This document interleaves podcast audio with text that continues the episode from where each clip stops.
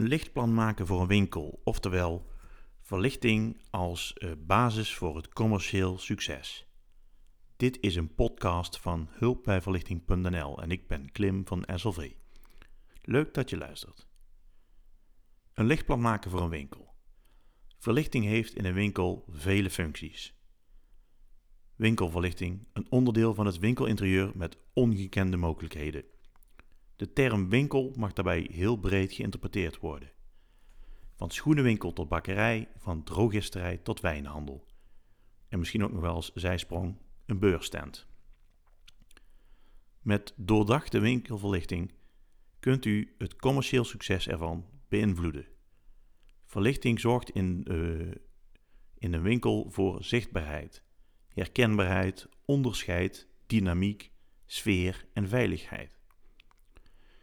Met verlichting, of juist de afwezigheid daarvan, kunt u producten benadrukken.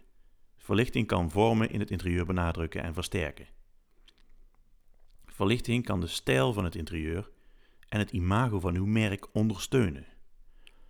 Stel dat uw bedrijfslogo en huisstijl oranje is, zou u met oranje verlichting in uw winkel kunnen werken.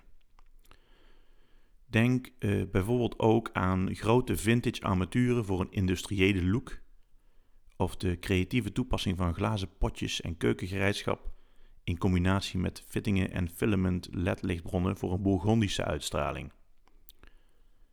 Deze veelzijdigheid zorgt er ook voor dat, veel dat er veel aspecten zijn om rekening mee te houden bij het maken van een lichtplan voor een winkel. In deze podcast zullen we kijken naar een aantal aspecten om rekening mee te houden en wat tips eh, bij het ontwerpen van een lichtplan voor een winkel. Verlichting in een winkel heeft vele vormen. Net als in ieder ander interieur zal de verlichting in een winkel onderverdeeld kunnen worden in een aantal niveaus. Functionele verlichting versus sfeerverlichting, ofwel de basisverlichting versus accentverlichting. Dit maakt dat de type armaturen in en om de winkel zeer divers zijn. In de meeste winkels wordt voor de basisverlichting gekozen voor downlights of tegenwoordig ook wel LED-panelen. Downlights zijn naar beneden gerichte spots. Zij zorgen voor een basisverlichtingsterkte die egaal over de winkelvloer verdeeld is. Dit wordt rondom de kleding- of productrekken, producteilanden en langs de wanden aangevuld met draai- of kantelbare plafondspots. Zij kunnen specifiek op het aandachtsgebied gericht worden. Je kunt ze draaien, kantelen, zoals de naam het al zegt, vaak ook de lichtbundel beïnvloeden doordat er een uh, variabele openingshoek in dit soort spots uh, is aangebracht. Of met behulp van barn doors, oftewel verstelbare kleppen, kan een specifieke openingshoek of lens de lichtbundel beïnvloeden om de spot breder of smaller te laten schijnen. In plaats van vast ingebouwde plafondspots wordt er ook regelmatig gekozen voor een oplossing met een spanningsrailsysteem. In dit geval wordt de rail in of op het plafond bevestigd door het hele pand en uh, biedt dit volledige flexibiliteit in het plaatsen en verplaatsen van armaturen. Wanneer de layout van de winkelvloer anders wordt, kan de verlichting hierop eenvoudig worden aangepast. Als je met een spanningsrailsysteem werkt, kun je daar uh, spots en uh, hanglampen en alle andere soorten armaturen in klikken en uh, die functioneren meteen. Die kun je ook weer eruit halen, verplaatsen, draaien. Dat geeft een enorme flexibiliteit.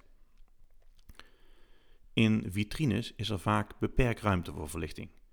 Daarom er, wordt er hier vaak gekozen voor LED-strips of een heel compact spanningsrailsysteem, waarop kleine spotjes worden bevestigd. In een vitrine dient u overigens bijzondere aandacht te hebben voor de kleurtemperatuur van verlichting. Goud- en zilvertinten die ook heel anders bij een warmwitte kleurtemperatuur. Dus een, uh, een kleurtemperatuur van tussen de 2700 en 3000 Kelvin. Dan uh, wanneer je daar een neutraal witte verlichting van bijvoorbeeld 4000 graden Kelvin opzet. Glas en kristalwerk, uh, daar geldt hetzelfde voor. Voor kleding wordt bij voorkeur verlichting met een zo hoog mogelijke kleurweergave-index gebruikt.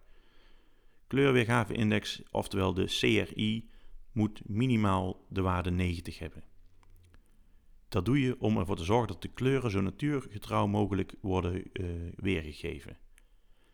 Uh, wat je misschien wel eens kan voorstellen, dat je in een kledingzaak een trui hebt gekocht en dacht dat het uh, zwart was en eenmaal buiten blijkt het groen of bruin te zijn.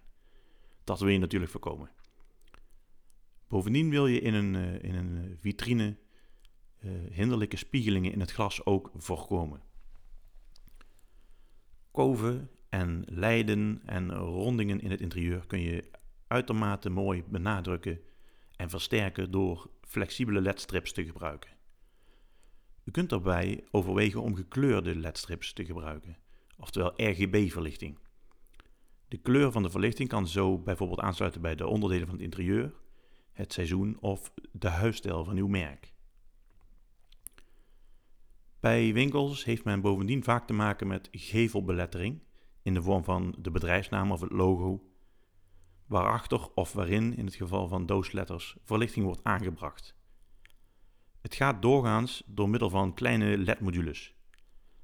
Deze zitten in een ketting aan elkaar en worden in of achter de letters of logo's aangebracht en schijnen op die manier hun licht af. Andere uitingen zoals een reclamebord waarbij het bij voorkeur aangelicht wordt door middel van een display-armatuur of een washlight. Dit zijn armaturen met een hele brede en vaak ook een asymmetrische lichtbundel. Er zijn een aantal aspecten om rekening mee te houden bij het ontwerpen van winkelverlichting. De kleur of kleurtemperatuur van het licht, de intensiteit, ofwel de lichtsterkte van het licht, en de kwaliteit, oftewel de kleurweergave-index van de verlichting, hebben grote invloed op hoe de producten eruit zien in de winkel. En bovendien hoe natuurgetrouwde kleuren van kleding wordt waargenomen of hoe aantrekkelijk versproducten zoals brood, groente, fruit of vleeswaren eruit zien. Er zijn zelfs speciale lichtkleuren in te zetten die uh, de aantrekkelijkheid van versproducten of van kleding uh, positief beïnvloeden daarover in, uh, is op de website hulpbijverlichting.nl een heel mooi artikel te vinden. En uh, kunt u bovendien een andere podcast ook nog beluisteren. In de NEN-norm NEN EN 12464-1 2011 stelt dat een verkoopruimte een minimale verlichtingsterkte van 300 lux nodig heeft. Bij de kassa wordt een verlichtingsterkte van 500 lux aanbevolen. Dat zijn richtlijnen om rekening mee te houden. In een winkel loopt het aantal lichtpunten en armaturen snel op. Bovendien brandt de verlichting er veel, vaak zelfs wanneer de winkel niet geopend is. Dat betekent dat het energieverbruik en de duurzaamheid van de gekozen verlichting belangrijke thema's zijn. Daarnaast kunt u voorkomen dat klanten verblind worden doordat zij rechtstreeks in een lichtbundel van de verlichting kijken. Dat is simpelweg gewoon niet prettig. Daarom is het raadzaam om altijd na te gaan hoe de klant het product, het kledingrek of het display zal benaderen. En u controleert dan of er geen hinderlijke verblinding of spiegeling optreedt. Iemand eh, die je kan helpen bij dit soort problematiek en het maken van een goed en gedegen lichtplan voor een winkel is een lichtadviseur. Een lichtadviseur eh, kan producten adviseren zowel technisch als praktisch, als ook wel uh, designtechnisch. Maar kan ook een lichtberekening maken, een, een, computermodel van de winkel, de gekozen verlichting en een indicatie geven van hoe de verlichting er in, de, in die situatie uit zou gaan zien en of die voldoet aan de minimale verlichtingsterktes die worden vereist. Een, een, lichtadviseur kan ook een 3D-model en zelfs een 3D-video maken van hoe dat die situatie er dan uit gaat zien. Wanneer u nu op zoek bent naar zo'n lichtexpert, kunt u natuurlijk kijken op de website hulpbijverlichting.nl. Voor dit moment bedankt voor het luisteren naar deze podcast. Vergeet niet te kijken naar de andere artikelen op hulpbijverlichting.nl of op ons YouTube kanaal.